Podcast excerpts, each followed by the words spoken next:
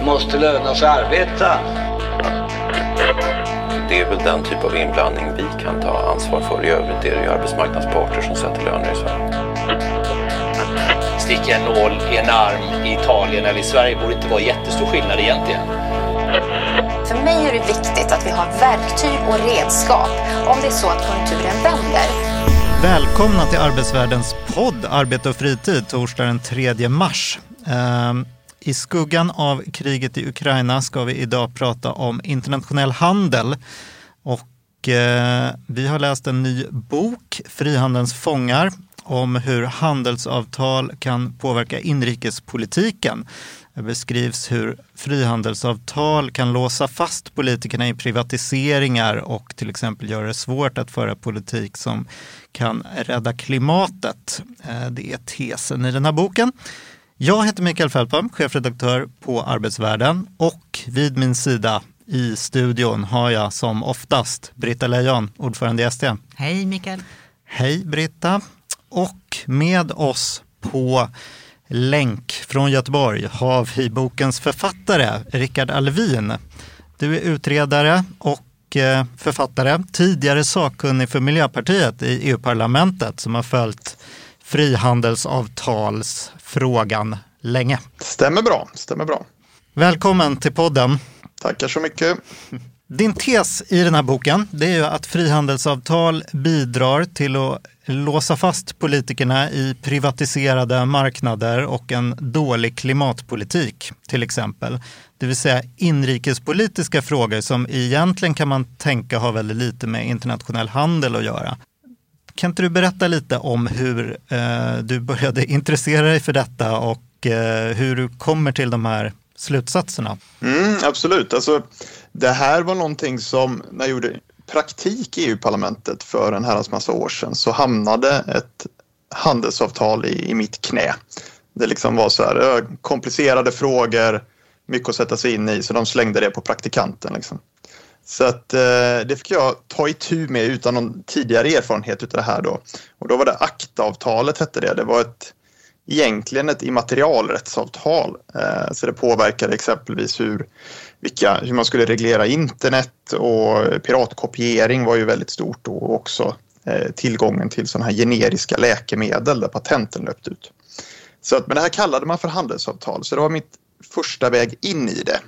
Och sen så har jag fortsatt med de här frågorna då via en massa olika avtal. Det blev ju framförallt stort då med TTIP-avtalet när det började diskuteras mellan EU och USA 2013.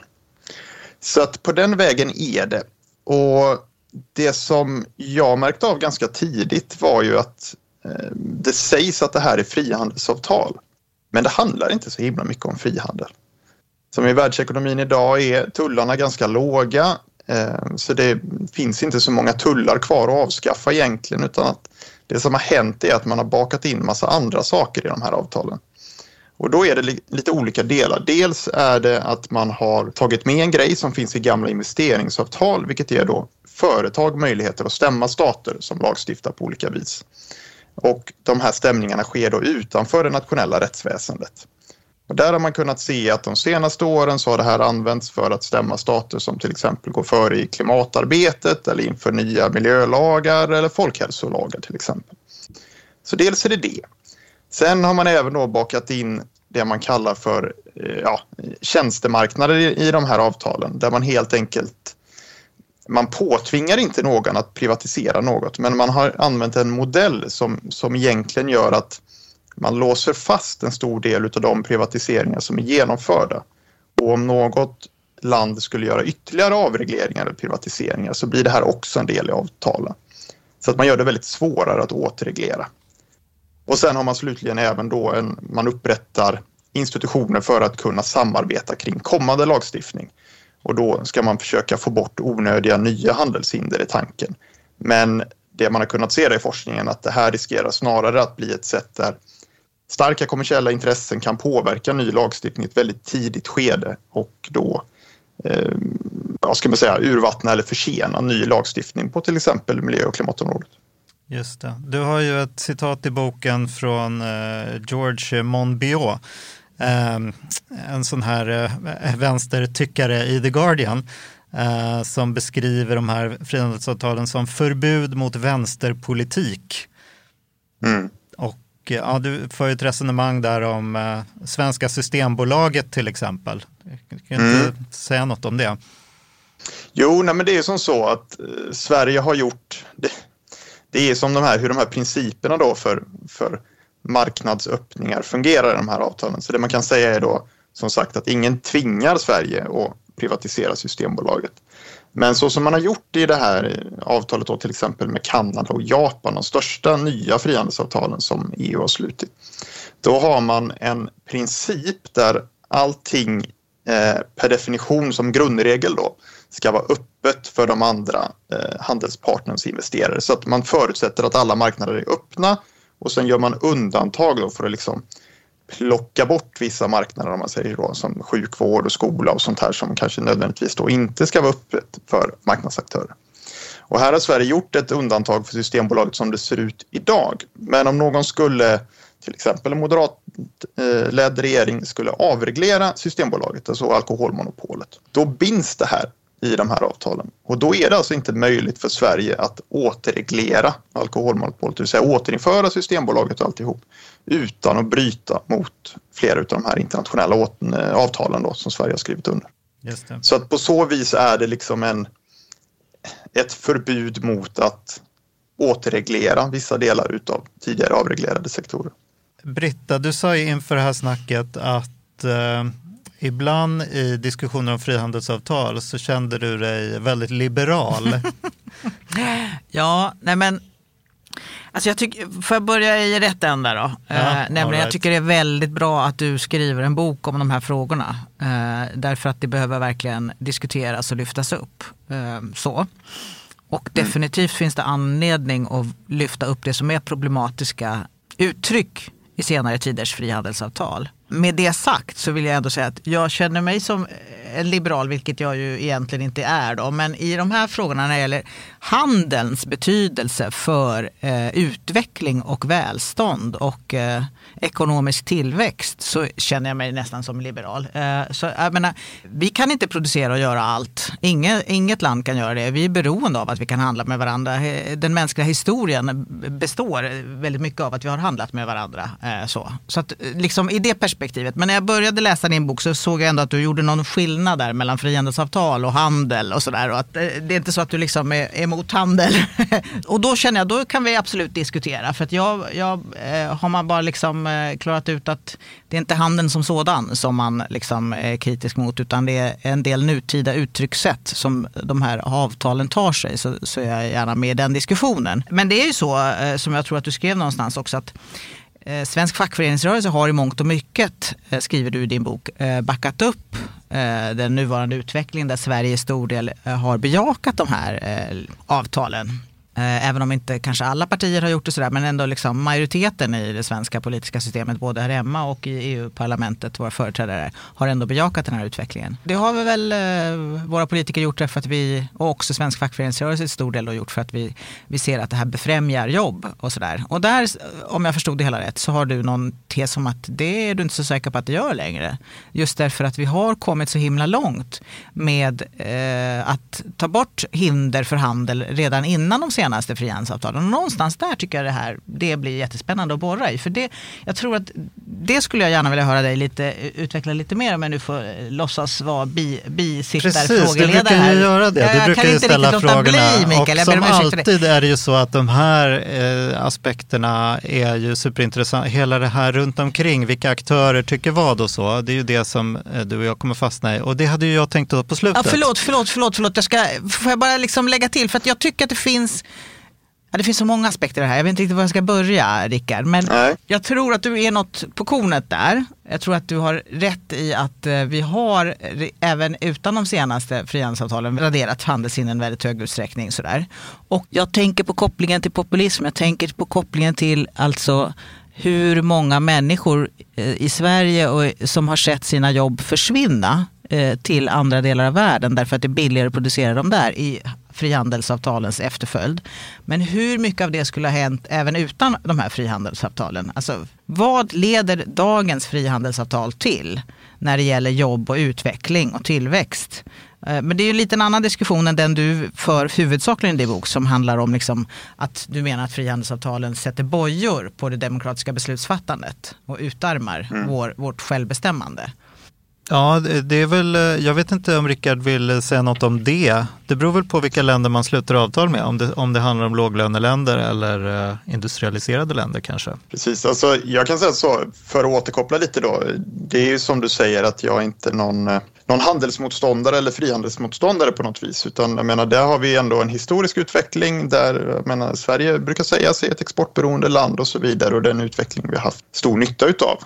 Eh, sen så, mycket av den utvecklingen, det här med som du beskriver att produktion flyttar utomlands och så, den har ju redan skett innan de här nya avtalen. Så att de nya avtalen kommer ju liksom i en kontext när det här redan har hänt kan man säga. Och jag ägnar ett kapitel i boken åt just de ekonomiska siffrorna då. Vad kan man tänka sig att det här avtalet ska ge? För att där har vi hört både politiker och näringsliv och fackförbund under lång tid när de här avtalen har debatterats säga att ja, men det kommer ge hundratusentals jobb och jättemycket tillväxt och ibland har man till och med dristat sig då att säga att den, den tidigare moderatledda regeringen sa att man skulle få alla svenskar skulle få 1700 kronor mer i plånboken per år. Man blir ju lätt nyfiken när man hör sådana tvärsäkra utfästelser om vad de här extremt komplexa avtalen ska kunna ge. Så att jag ägnar en, eh, som sagt ett kapitel i boken och går igenom den forskning som finns eh, kring det här och de ekonomiska modeller som används och så. Ska man summera det snabbt så kan man säga att det finns inte så starka bevis för att det här kommer genom tillväxt överhuvudtaget. När det gäller jobb så kan de nuvarande modellerna inte ens räkna på det. Så där, där har vi liksom inte en aning. Sen kan det mycket väl vara så att de skulle kunna teoretiskt ge tillväxt och nya jobb. Men vi vet inte, för alla de här studierna som har utvärderat ser att ja, men i bästa fall pratar vi om ganska marginella effekter. Och då kan man också se hur i takt med att den här forskningen kommit ut och, och folk har börjat använda det i debatten så kan man se att sättet som regeringsföreträdare för svenska regeringen till exempel talar har förändrats väldigt mycket från de här 1700 kronorna i plånboken varje år till att man pratar om att det här kommer öka handeln mellan varuflödena mellan Sverige och Sydkorea till exempel. Ja, det är ju en av de sakerna man faktiskt kan se att det gör det. Men att det i sig nödvändigtvis medför några större nettoeffekter på ekonomin som sådan. Det är inte liksom en kausalt samband. Därför att vi redan har kommit så långt i den fördelningen av eh, vilket land som gör, är bäst på att producera och, och sådär. Så att, eller hur? Det ger så ja, liten marginell ytterligare nytta för varje nytt frihandelsavtal. Det är väl egentligen det. Ja, men visst. Mm.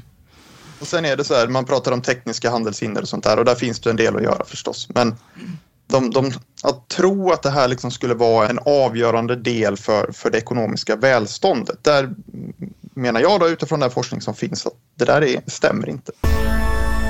Kan vi inte komma tillbaka till den här frågan också, vilka som tycker vad och varför och vår, vår liksom eventuella svenska inställning till detta med handelsavtal. Mm. Men jag var bara nyfiken på, du kritiserar ju liksom de här um, investeringsskydden som det ju kallas. Men hur skulle sådana här handelsavtal kunna se ut utan sådana investeringsskydd? Är det inte viktigt att utländska företag har den här möjligheten att till exempel stämma stater då om de negativt särbehandlas, till exempel, på olika marknader.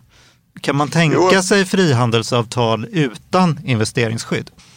Ja, är det korta svaret på det. Eh, för att det är ju inte som så att utländska investerare skulle vara rättslösa. Utländska investerare som investerar i Sverige till exempel har ju skydd mot expropriation och sådana här så godtyckligt liksom beslagtagning av deras egendom av staten och sånt där. Det, det skyddet finns ju i svensk lagstiftning. Men, litar, men uppenbarligen litar ju inte svenska staten på att Kanada behandlar svenska företag rättvist. Fast det gör de egentligen. Alltså tittar man på EU-kommissionens, liksom, hur man kommunicerar kring det här så man ifrågasätter liksom inte att Kanada är en rättsstat. Utan det man säger är att ja, men det är viktigt att vi har med det i de här avtalen för att då blir det lättare att få de gamla investeringsavtalen att liksom följa den här nya modellen för det här som, som EU då har, har lagt fram. Men är inte hela poängen med den här avtalen ur svensk synvinkel att våra exportföretag ska få bra villkor världen över? Det är väl, det är väl på något sätt eh, motiveringen. Det är därför vi gör det här. Mm. Men det, var, det kom faktiskt en studie, svensk studie ganska nyss som tittar på det här. Liksom. Får vi ut någonting samhällsekonomiskt av att både då få det här någon annanstans och samtidigt då få det i Sverige? Och även de här studierna som tittar på det ger liksom väldigt skrala resultat. Att tittar man då liksom, ja men Sydafrika till exempel är ett land nu, de har börjat säga upp alla sina sådana här investeringsskyddsavtal. Och de har exempelvis inte märkt några som helst effekter då på liksom mängden utländskt kapital som, som de attraherar. Så att, det här visar liksom den, de största forskningsgenomgångarna att just att det finns ett sånt här separat skiljedomssystem för företagen. Det ger inte nödvändigtvis något ekonomiskt mervärde eller ger mer utländska eh, direktinvesteringar. Man kan tänka att det är svenskt intresse, vi som redan är, har ganska många marknader som är ganska liberaliserade och privatiserade. Vi har väl liksom ett intresse av att andra länder öppnar upp sina marknader på samma sätt som kanske Sverige har gjort. Eh, så där borde det finnas ett intresse ur svensk synvinkel. Kan man se mm. det rent empiriskt? Ja, alltså mycket det EU och Sverige liksom eftersöker är ju framförallt att komma åt offentlig upphandling då, via de här avtalen. Ehm, men sen är det ju som sagt att du kan inte påtvinga någon marknadsliberalisering via de här avtalen utan det man gör då är att man kan låsa fast den nuvarande nivån utav marknadsliberalisering eller avreglering om man så vill. Och om någon då ensidigt skulle ytterligare eh, liberalisera till exempel då genom att privatisera vården som vi gjort i Sverige, ja men då låses det som regel då om man inte har gjort väldigt vattentäta undantag. Ja, så man kan tänka sig att andra länder kanske har mer kvar att privatisera än vad Sverige har? Mm. Sverige är ju väldigt avreglerat. Mm. Alltså, det finns ju inget land som har en så avreglerad skola som Sverige har till exempel. Och sådär. Nej, finns det, det är inte några... bara skola, ja. det finns ju många områden som där vi är extrema eh, faktiskt och där vi har där jag tror att man har trott från eh, både myndighetsledningar, politiska ledningar och bolagsledningar att, att vi ska gå före och sen kommer andra att gå efter och så kommer vi få, liksom, om vi är först här och kan mest om den här frågan så kommer vi ha liksom, en marknadsposition sen när det är dags för andra, andra länder som öppnar upp sig. Och sen har det inte riktigt mm. blivit så. Så har man stått där och investerat och gjort en massa. Vi har en del sådana områden inom min, mitt förbunds där vi har medlemmar. Vilka då? Ja, men titta på flygledningen till exempel. Du hävdar ju att politikerna liksom kan låsas fast i eh, privatiseringar och att man låter bli att skaffa kanske mer progressiv miljölagstiftning och sådär. Finns det några exempel på att det där faktiskt äger rum? Mm, det gör det. Ganska många eh, exempel. Om man tittar på bara de senaste åren så har Nederländerna till exempel stämts av två olika företag för att de har bestämt sig för att fasa ut kolkraften. Då vilket de gör för att kunna nå upp till eh, Parisavtalet. Italien har förbjudit kustnära oljeborrning och stämt på mång, eh, miljonbelopp. USA har förbjudit, Biden-administrationen har förbjudit en eh, sån här oljeledning som de ska föra kanadensisk kärsand som då är extra problematiskt ur klimatsynpunkt till eh, amerikanska raffinaderier. Den har de stoppat och då har de blivit stämda på eh, fruktansvärt mycket pengar. Det har skett 1100 fall ungefär via det här systemet som man känner till. Mörkertalet är stort.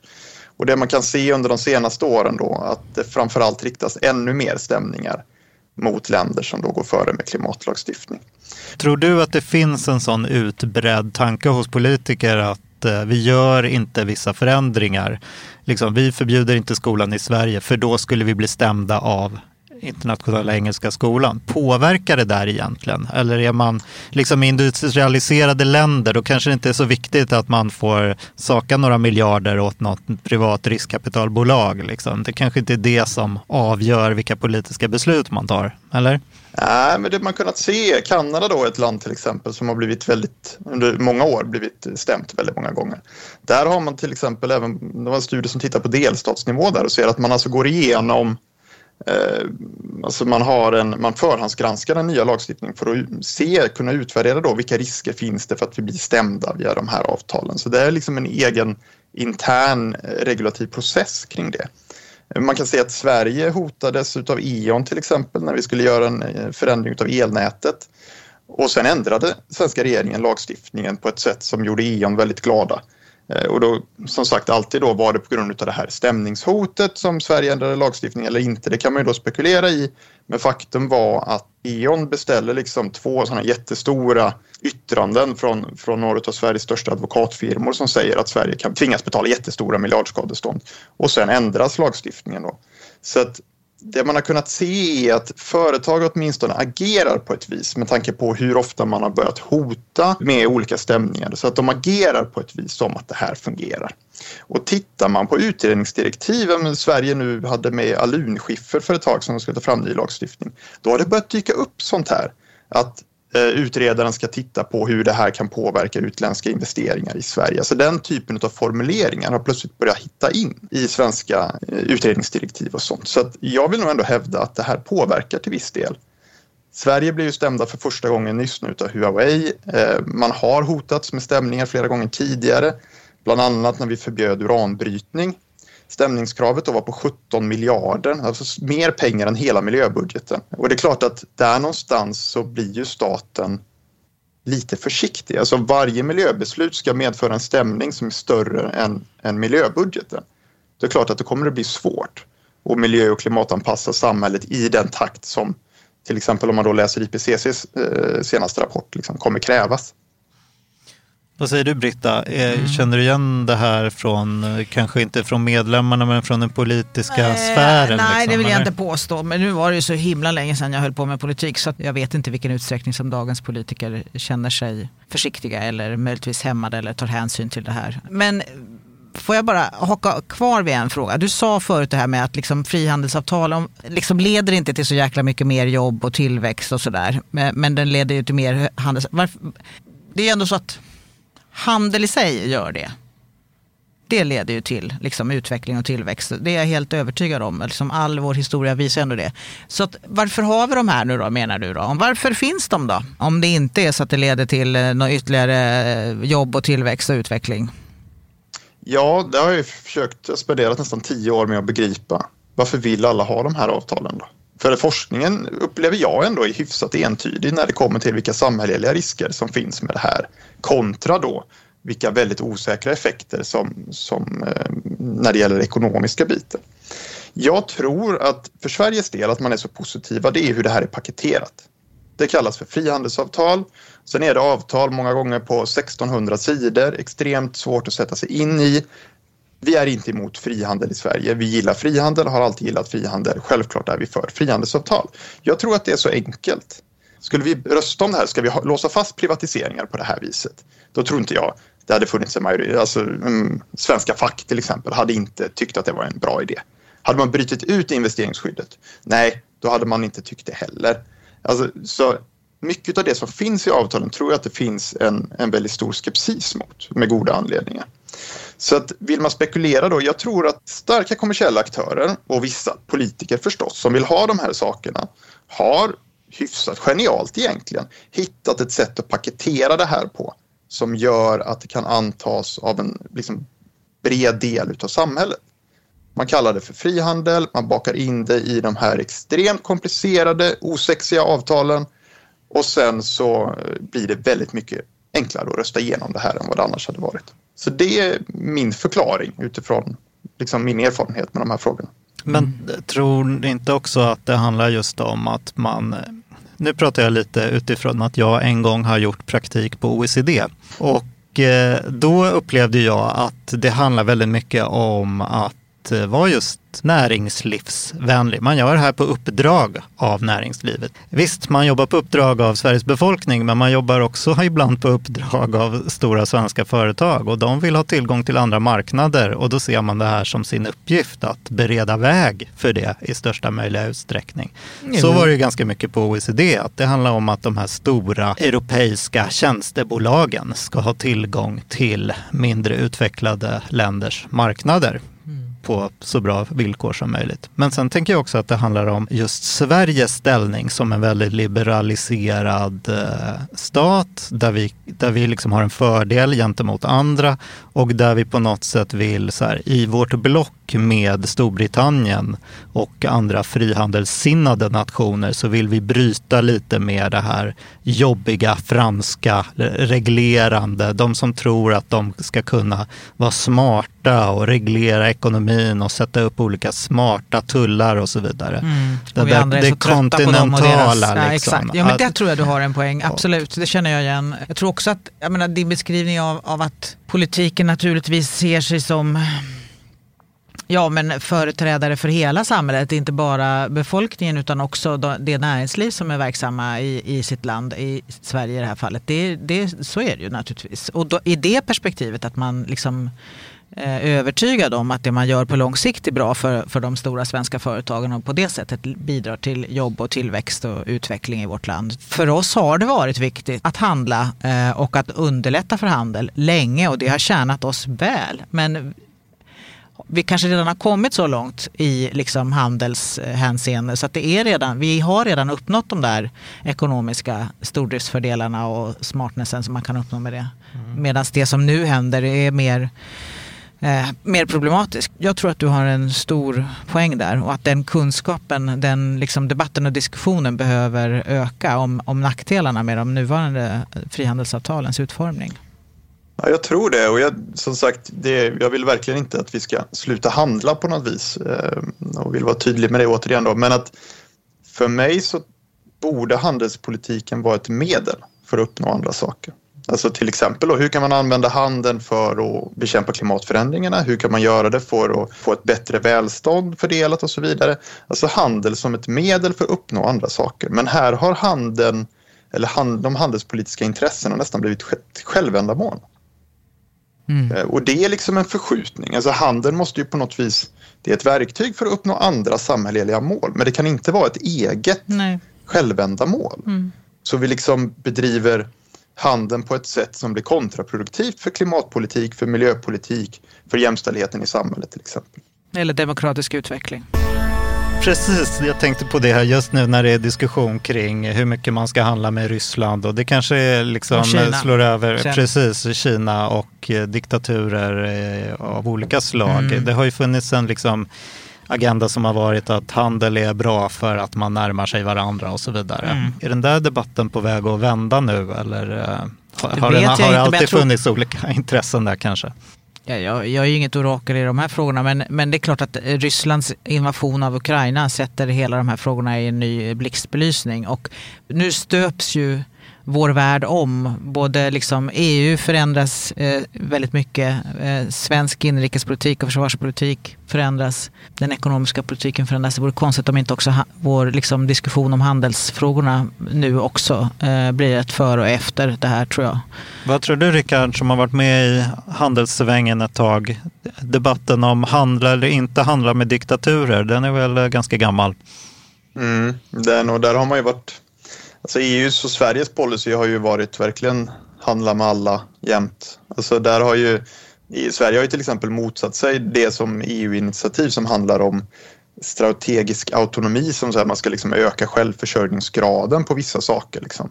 Eh, Allt från halvledare till, till livsmedel och vad det nu var. Där har ju Sverige varit skeptisk för att man vill ha liksom mm, frihandelsgrundtanken och sådär. Ja, för att vi Men jag- faktiskt inte kan vara självförsörjande på allt. Det går ju inte heller. Nej, precis. Men Faktiskt. inte självförsörjande, men ha en högre självförsörjningsgrad. Alltså så att man i, i viss mån då klarar sig vid sådana här händelser. Och där tänker jag att eh, handelspolitiken kommer nog verkligen påverkas av det som, som händer här. Att det kommer en ny diskussion kring bör man investera och handla på det viset som man har gjort i, i Ryssland och kanske med Kina också då framförallt eh, som är en väldigt stor ekonomi. Och mm, jag tror att de säkerhetspolitiska intressena på sikt kommer kunna påverka handelspolitiken. Just det här att vid en kris, ja men då måste vi kunna se till att Sverige har en livsmedelsproduktion som liksom, åtminstone till viss del kan, kan liksom föda befolkningen. Att vi har en viss del av liksom, teknik som är eh, avgörande för, för samhällets infrastruktur och så. Absolut. Just det, det, så som det är en, mer- jag det- menar, bara det här beslutet om att stoppa Nord Stream 2 visar ju att det här har ju faktiskt redan nu förändrat Just det, men det är mer handelspolitiken. säkerhetspolitiska aspekter än egentligen idealistiska. Ja. Det är inte så att vi slutar handla med Burma, liksom, för det spelar ändå ingen roll ur ett säkerhetspolitiskt perspektiv. Ja, jag vet inte. Alltså, jag tror att insikten om vilken utveckling vi är inne i och har varit inne i ett tag idag. när, där vi kanske lite för naivt har tagit för givet att, att vi genom att handla med varandra, eh, genom att tro att alla borde fatta att demokrati är den bästa vägen framåt. Eh, liksom, li, kanske lite naivt har, har tagit eh, vissa saker för givna. Och att det här är ett bryskt uppvaknande där vi inser att det är inte så enkelt. Att bara för att vi handlar med varandra, bara för att vi själva är, vet att det är bäst att leva i en demokrati så kanske inte alla andra tycker att det är en bra idé. Jag, jag tror att det är mycket som förändras nu. Till och med sånt som liksom nationsbegreppen kanske förändras därför att men plötsligt så blir det möjligt att göra grejer i EUs namn som inte varit möjligt förut. Du, en annan sak Rickard som slog mig när jag läste din bok, det var om du tror att det finns en uppdelning mellan liksom, ekonomer och jurister här. Jag tänkte på det bland annat, om vi kommer tillbaka till Brittas eh, spaning här kring vilka aktörer som agerar på olika håll i den här handelsdebatten. Alltså jag tänkte på det när det kom till facken så skildrar ju du hur LO, TCO, Saco ställer sig till TTIP å ena sidan Eh, ganska så här kritiskt uttalande mot ISDS, alltså de här tvistlösningsmekanismerna och en, en hyfsad hård stance. Liksom. Medan sen kommer då Unionen och IF Metall med en delvis annan eh, ingång och säger att ah, men det här är inte så farligt. Liksom. Eh, och jag funderade på om det finns en sån, man kanske även kan plocka in Kommerskollegium, myndigheten för internationell handel i det här. Eh, det känns ju som att de har en mer ekonomistisk eh, approach eh, än kanske juridisk. För när juristerna kommer in så ser de plötsligt en massa problem med de här eh, tvistlösningsmekanismerna. De är kanske inte så transparenta, man vet inte vad som händer. Ska vi verkligen låsa fast våra marknader på vissa speciella sätt? Och så kommer ekonomerna in och säger att ja, men eh, handel är bra och eh, öppna marknader är bra och alltså är det här bra och inga större problem. Har, har du, eh, har du reflekterat över det? Ja, men det har jag gjort. Jag håller ju med om att alltså, Kommerskollegium då till exempel som myndighet som hade huvudansvaret för att sköta de här konsekvensanalyserna av flera av de här avtalen som på uppdrag av Sveriges regering att jag menar deras uppdrag är att främja utrikeshandeln. Det är inte att se till att Sverige har en möjligheter till en god klimatpolitik eller liksom tillräckligt politiskt manöverutrymme för att kunna anta bra folkhälsolagar utan så här, de ska främja utrikeshandeln och det är klart att det ger ett visst perspektiv. Eh, jag skildrar en del om det där i boken hur tre av de tyngsta företrädarna, generaldirektören och två av de största handelsexperterna, alla de tre, efter att de lämnat in den här stora konsekvensanalysen så tog de steget och började jobba på Svenskt Näringsliv istället. Eh, som en av de starkaste lobbygrupperna i hela Europa för den här typen av avtal. De hade tjänstemän som deltog i reklamfilmer om hur bra ISDS är för, eh, som gjordes av amerikanska näringslivet. Och det är klart att vissa av de där grejerna är ganska ögonfällande liksom om man tittar på myndighetens oberoende. Alltså, jag säger inte att de inte var eh, förmögna att göra ett bra jobb ändå, va? men det är klart att det ställer vissa frågor när det där sker. Eh, också lite då i hur man de här konsekvensanalysen också liksom har behandlat farhågor från Naturvårdsverket och Kemikalieinspektionen och från eh, olika universitet och sådär. Så att eh, jag tror definitivt det. Tittar man på det här ur ekonomiska ögon så har man en, liksom, i grunden en positiv inställning som möjligen kan påverka. Liksom.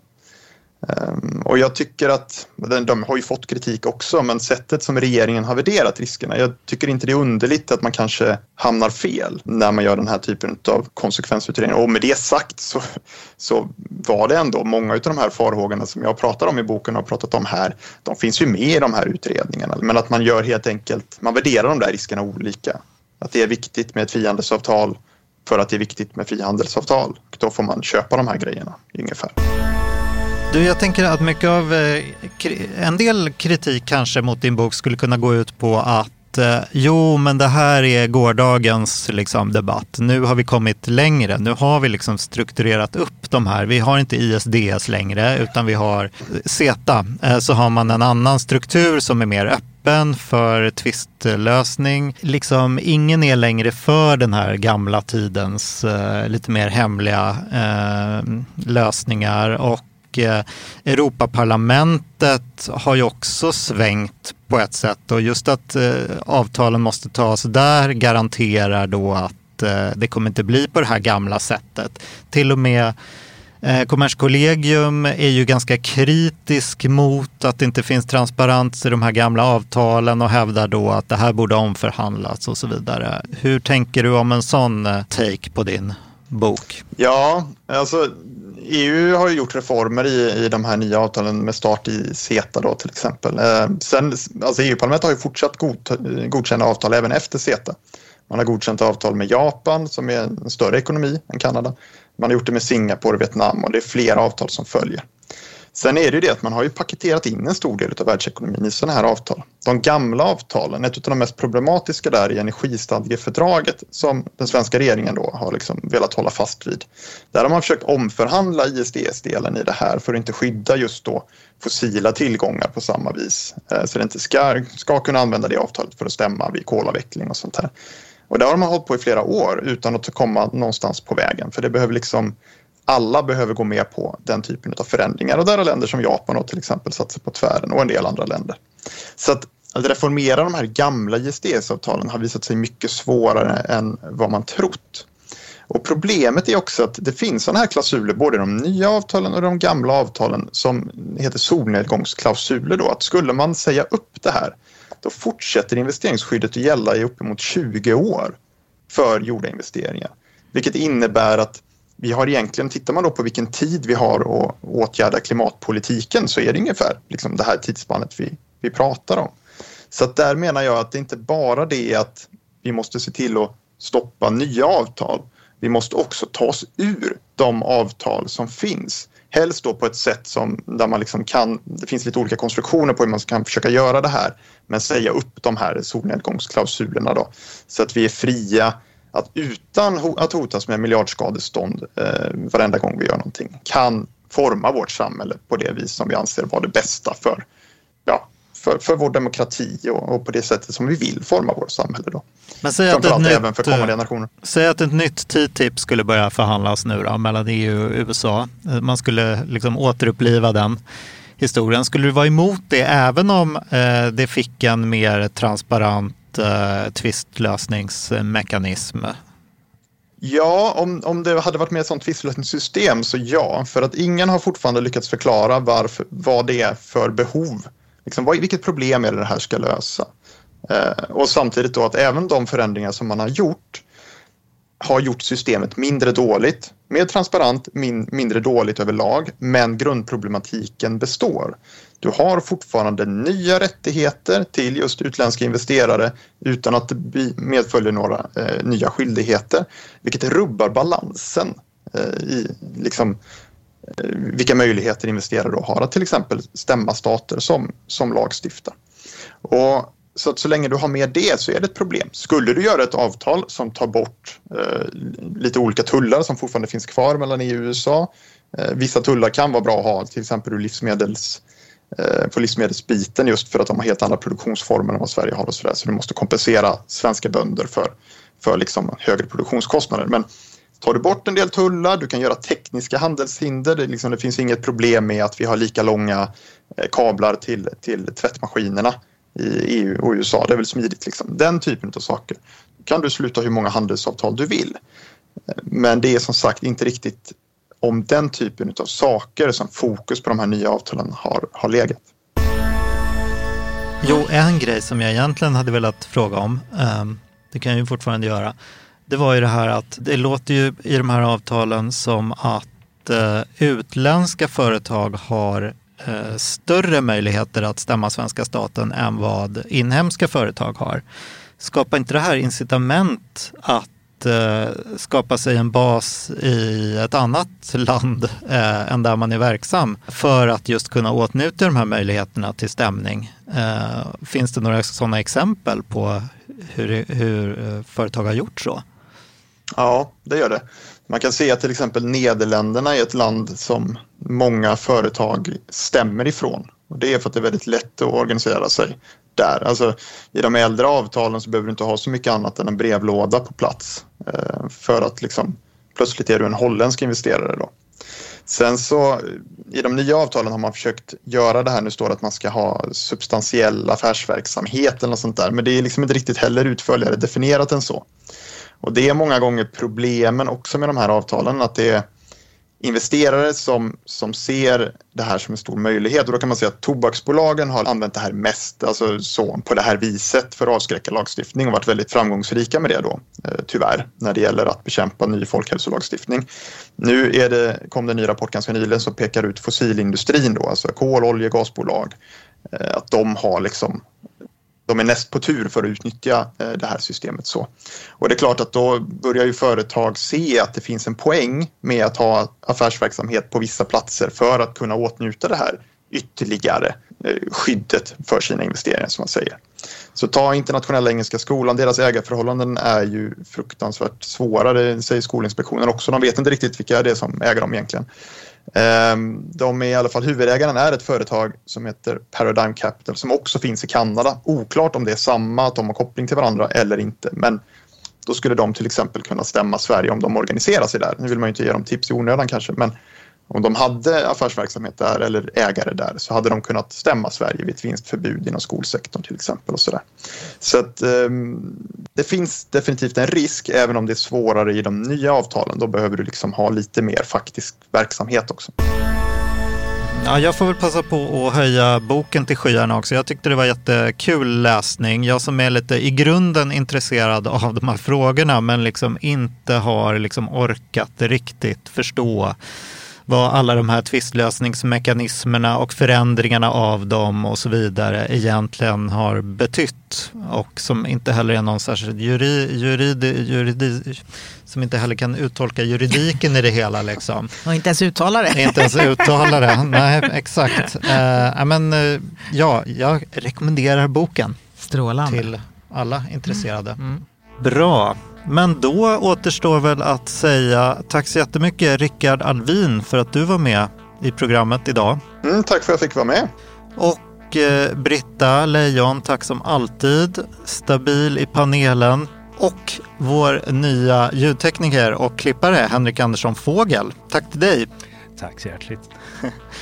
Hörni, eh, bra. Vi säger adjö och återkommer om två veckor. Glöm inte att eh, kontakta oss på, i olika sociala medier och eh, berätta vad ni vill att vi ska prata om så eh, kan det bli så att vi gör det. Eller tipsa om er själva som medverkande. Det är också välkommet. Så kanske ni blir de nya gästerna i podden. Hörni, ha det så bra. Eh, tillbaka om två veckor. Adjö.